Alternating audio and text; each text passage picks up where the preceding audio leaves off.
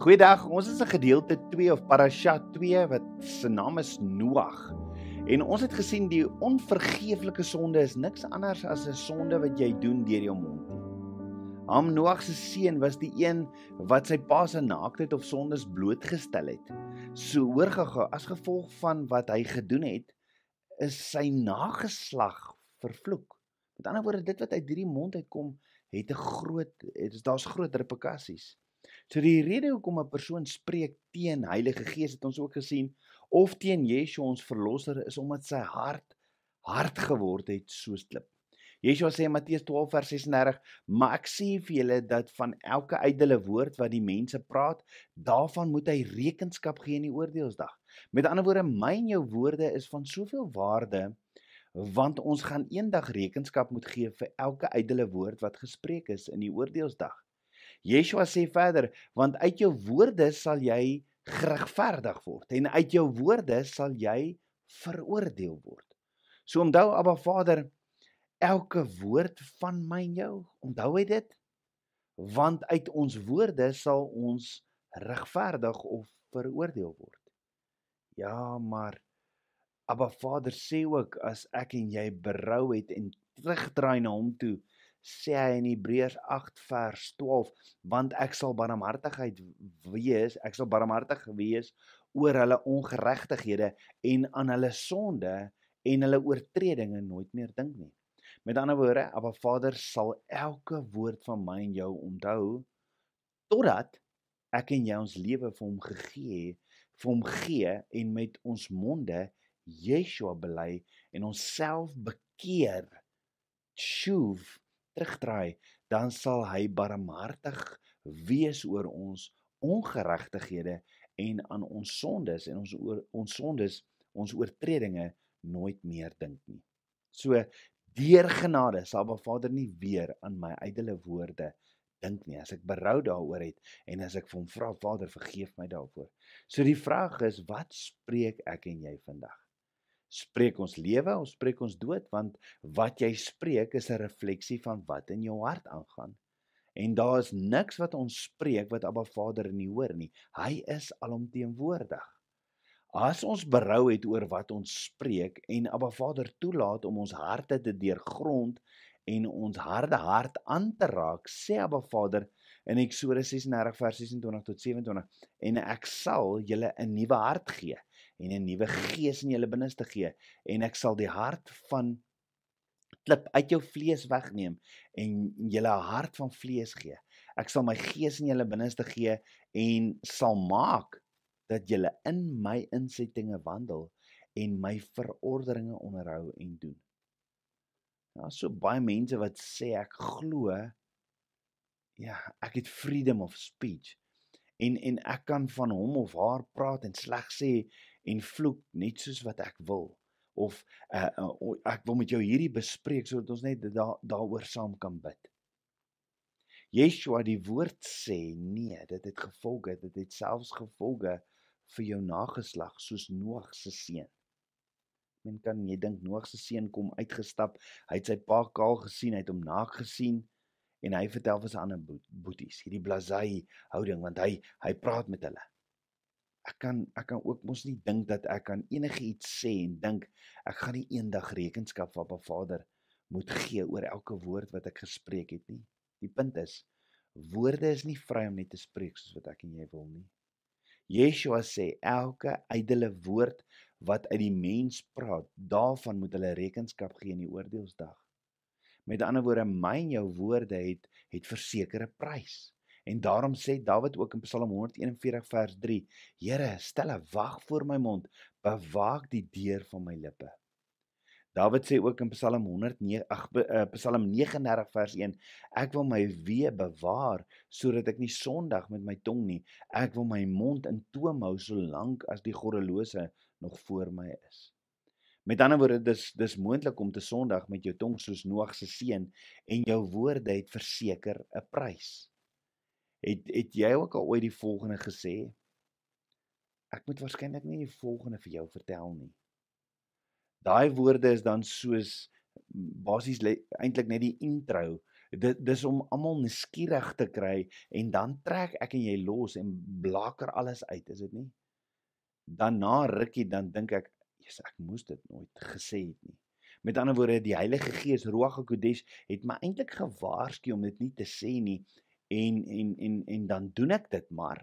In elk geval, jy sien my en jou woorde het 'n prys. Die tweede waarheid oor woorde is woorde maak seer. Is dit nie so dat ons vandag so maklik iets sal sê en dan maak dit seer en dan sê ons vinnig daarby ag nee, dit was net 'n grap, ek het dit nie so bedoel nie. Ek het so rukkie terug gehoor hoe my een seun vir die ander een iets baie lelik sê en toe ek hom vra Boeta wat het jy gesê toe sê hy pappa ek ek ek maak maar net 'n grappie. En hoeveel keer doen ek en jy dit nie? Hoor gou-gou. Wat sê Abba Vader se woord in Spreuke 26 vers 18 tot 19 soos een wat onverskillige vuurpyle dodelike pile afskiet So is die man wat sy naaste bedrieg en sê ek speel sommer maar. Is ons nie maar net ook so skuldig hieraan nie? Dis asof ons sulke wenke gooi in ons kommentaar of dis 'n maklike uit as ek besef, o God, ek het verkeerd gesê nie. Buiten dat ek sê dis net 'n grappie, sal ek ook die volgende gebruik. Ek het niks bedoel deur dit nie, hoor. Jy moet dit nie persoonlik vat nie. En dis ook 'n maklike uit as ek iets gesê het wat ek nooit moes gesê het nie. Wel, Abba Vader se woord sê, jy het presies gesê wat in jou hart is. Yeshua sê Matteus 12 vers 34, want uit die oorvloed van die hart praat die mond. So baie baie keer gee ons kommentaar vir iemand en dan is daar bietjie waarheid in wat ons sê en dan sê ons ek het net 'n grappie gemaak of ek het ek het niks daarby bedoel nie of of moenie so sensitief wees nie. So kan jy dink ons sê so iets vir Abba Vader en Abba Vader sê hoekom het jy dit gesê Roef? En ek sê nee Abba, ek maak net 'n grappie. Ek het niks bedoel by dit nie. Met ander woorde, as ek iets sê wat nie glorie bring vir Abba Vader nie en wat nie sy woorde van lewe is nie, moet ek dit nie regverdig nie, maar eerder sê, Abba Vader, ek is jammer. Ek het nie besef dis nog steeds in my hart nie. En duidelik is dit nog in my hart want dit is die vrug wat uit my mond kom. So hierdie grappies is grappies van die vyand. Dis dis vuurpyle. Dis dis boelie grappies.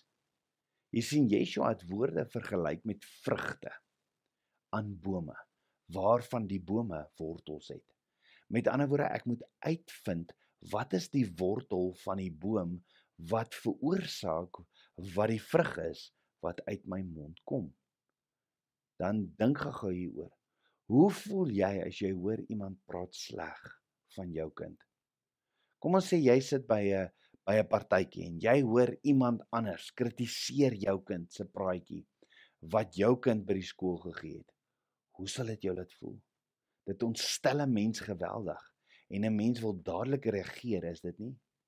So wie is ek en jy om iemand anders, 'n kind van Abba Vader, selfs sy bediening, die werk wat hy of sy doen vir die koninkryk van God te kritiseer, te bespreek of af te keer? Al is jy ook uh, geredde soos Noag se seun, want hy Noag se seun is deur die die ark gered. Hy Noag se seun was 'n geredde.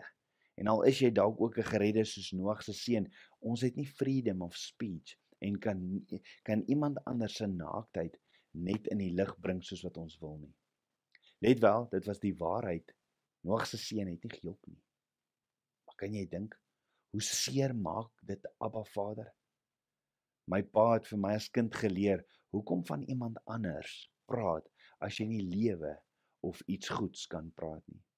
Jy sien die enigste manier hoe ek en jy kan deel met slegte woorde is om te repent. Is om om om om om te vra vir vergifnis. Aan die ander kant, die enigste manier hoe ek met slegte woord wat na my toe gespreek is kan deel is deur te vergeef. En dalk sit jy nog steeds met goed in jou hart waarmee jy stoei wat iemand vir jou gesê het sê 10 jaar terug en tot en eh, tot en met jy vergewe is daardie woorde soos bome en daardie bome vervaardig vrugte in jou lewe. Met ander woorde sny die boom af as daar nog slegte woorde in jou hart lê. Johannes die Doper sê Matteus 3 vers 10, maar die byl lê ook teen die wortel van die bome.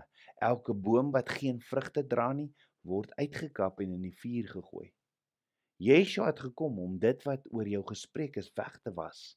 En daarom hoekom hoekom nie dit vir hom te gee nie. Weet vandag, jy is Abba Vader se hartsbegeerte. So die waarheid oor woorde is dit het 'n prys, nommer 1. Nommer 2 dit maak baie seer as dit doodspreek en dan die derde ding is myn jou woorde hou. Die leen van die vyand is egter dat woorde verdwyn in die lug in. Hoor gou, woorde verdwyn nie. Woorde verdwyn nie net nie, dit hou. Jakobus 3 vers 6 sê net soos die tong ook, dit lyn lid en beroem hom op groot dinge. Kyk hoe 'n groot hoop hout steek 'n klein vuurtjie aan die brand. Het jy ooit soos ek gewonder hoekom hoekom kan die tong soos 'n klein vuurtjie 'n groot hoop hout aan die brand steek? Die rede is daar die rede is is as daar al reeds 'n groot hout hoop hout lê daar. Want dit beteken wat wat dit beteken is ek sê iets vir iemand in 'n grappige manier en wat ek eintlik doen is ek verwoes so 'n persoon want ek weet nie hoeveel ander mense het vir hom of haar al soveel keer iets daaroor gesê nie en en en hulle het 'n hele hoop hout daar en en my vuurtjie my tong kom steek die hele hoop hout aan die brand. Het jy al ooit iets gesê en dan en dan kan jy nie glo hoekom die ding nou so groot geword het nie. Dis omdat daar al reeds 'n groot hoop hout lê. Nou ek verstaan as 'n bokser klaar 'n geveg geveg het het hy seer van die geveg dadelik. Maar die ergste seer lê nog voor vir weke. Net soos dit met my en jou woorde.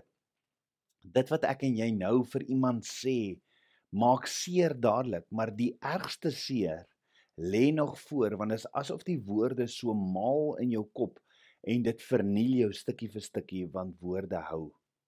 Hoeveel mense sit nie vandag in situasies waar hulle so verbaal mishandel word sê in 'n huwelik of selfs by die werk en dit is stelselmatig besig om hulle selfbeeld soveel skade aan te doen. Dit is stukkie vir stukkie, dag vir dag besig om hulle dood te maak. Is jy dalk een van hulle? Jy sien in 'n in 'n huwelik is daar altyd een wat wat beter kommunikeer as die ander een. Maar onthou, woorde maak seer en woorde hou moenie altyd die een wil wees wat die laaste woord inkry nie want jy mag dalk die een wees wat nou die oneenigheid wen maar jy's die een wat die verbond tussen julle die huwelik ooreenkoms besig is om te verloor en jy mag dalk dink jy wen die geveg maar jy's besig om die oorlog saam te verloor meeste huwelike wat eindig na 15 of 30 jaar van getroude lewe eindig omdat een van hulle opstaan die wit handdoek ingooi en sê ek kan nie meer. Ek kan nie meer hierdie verbale mishandeling hanteer nie. Ek gee op. My hart is net al so so so hartseer geword en ek kan net nie meer nie, is wat die persoon gewoonlik sê. So wat moet jy doen as jy hierdie persoon is wat almal so ver, ver, ver, eh, eh, verbaal mishandel? Verander nou. Erken dit. Genader Abba Vader, gaan sit by, by sy voete en gee dit vir Abba Vader want jy is besig om skade te doen wat kan hou vir 'n baie baie lang tyd vir generasies. Of kan ek vra is jy vandag die slagoffer van iemand se skerp tong dis hier waar iemand jou voortdurend met woorde af aanval.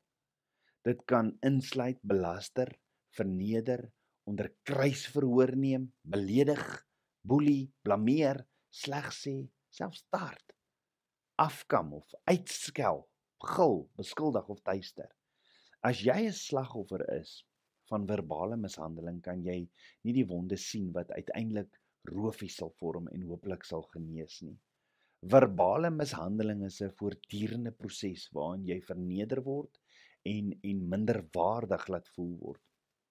Dit veroorsaak onbeskryflike skade aan jou selfbeeld Dit voel asof jy geen waarde het nie en asof jy net dooie bene is. Jou selfbeeld is al is al so verpletter dat jy begin glo jy kan nie langer op jou eie klaarkom nie en dis nie die waarheid nie kind van die allerhoogste. Maar Vader het jou geskape met 'n doel en en wil lewe in jou blaas. Maar Vader kan vandag lewe in jou dooie bene blaas. Hy roep jou om op jou naam en wil jou optel want Abba Vader sê in Jeremia 29 vers 11 want ek weet watter gedagtes ek aangaande jou koester spreek Jotewawai gedagtes van vrede en nie van onheil nie om jou 'n hoopvolle toekoms te gee. So al voel jou selfbeeld hoe afgebreek vandag. Dis die gees van Abba Vader wat lewe gee. So die vraag is glo jy dat Abba Vader die vermoë het om iets letterlik te doen? Yeshua het reeds die prys betaal. Na Yeshua se kruisiging sê Matteus 27 vers 52 grafte het oopgegaan en baie gelowiges wat dood was is opgewek en hulle het uit hulle grafte uitgegaan waarna hulle aan baie mense verskyn het. So die gees van Abba Vader is so kragtig dat dit lewe in dooie bene, dooie situasies bring. Glo jy dit? Weet vandag, Abba Vader is die God wat lewe bring oor dooie bene en kan ook lewe oor jou dooie bene blaas. Met ander woorde, slegte woorde hou lank, maar die goeie nuus is, goeie woorde hou ook lank. Paulus sê in 2 Timoteus 1 vers 3, I remember you in my prayers night and day. Dan in 2 Timoteus 1 vers 5 sê Paulus, when I call to remembrance the uh, the genuine faith that is in you. Met ander woorde wat Paulus hier sê is ek bid vir julle Timoteus wat deur 'n moeilike tyd gaan. En en dan gebruik Paulus die woord remembrance wat van twee Griekse woorde afkom. Die rootwoord wat beteken graveyard monument. Jy sien wanneer jy 'n grafsteen monument sien, is dit nie daar om jou te vertel dat iemand dood gegaan het nie, maar die monument is daar om jou te herinner dat iemand geleef het. Dis 'n herinnering van 'n lewe van iemand. Met ander woorde wat Paulus vir Timoteus sê is ek is besig om 'n monument te bou van jou beloftes, van jou omstandighede voor Abba Vader. Hy hy hy is besig om dit alles te bring voor Abba Vader want woorde hou. Dis ook hoekom 'n ouma vir 'n kleinkind kan bid en dan jare later word haar gebede bewaar want sy het monumente gebou vir haar kleinkind vir Abba Vader om te sien.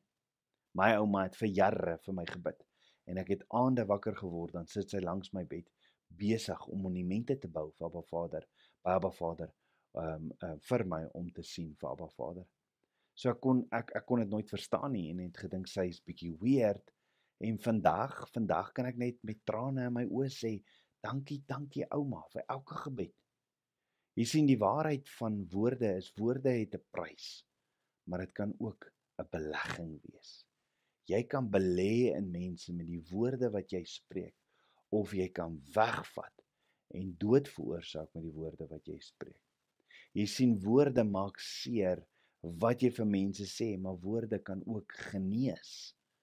Dan slegte woorde hou hou vir 'n baie lang tyd, maar goeie woorde Maar Vader se woorde hou ook vir 'n baie baie lang tydperk. Kan jy onthou die eerste profesie wat jy gekry het? Jy onthou dit. En die vraag is wat kies ek en jy? Kies ons om lewe te praat of kies ons om dood te praat? Want Spreuke 18 vers 21 sê dood en lewe is in die mag van die tong en elkeen wat dit graag gebruik sal die vrug daarvan eet. Dan sê Dawid in Psalm 63 vers 3 want u goedertierenheid is beter as die lewe. My lippe moet u prys.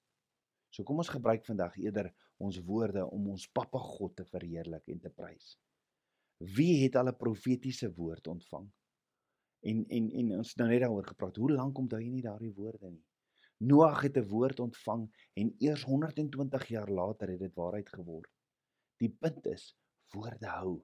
En daarom, hoekom nie eerder die mens wees wat lewe, Abba Vader se woorde spreek oor ander nie. Kom ons bid saam. Ons almagtige Vader, Papa God, dankie vir u woord. Dankie dat u ons roep om woorde van lewe te spreek. Vader, vergewe ons hierdie hierdie mond wat woorde spreek van dood. Kom raak ons mond aan. Vergewe my mond. Was my skoon, spierwit soos sneeu.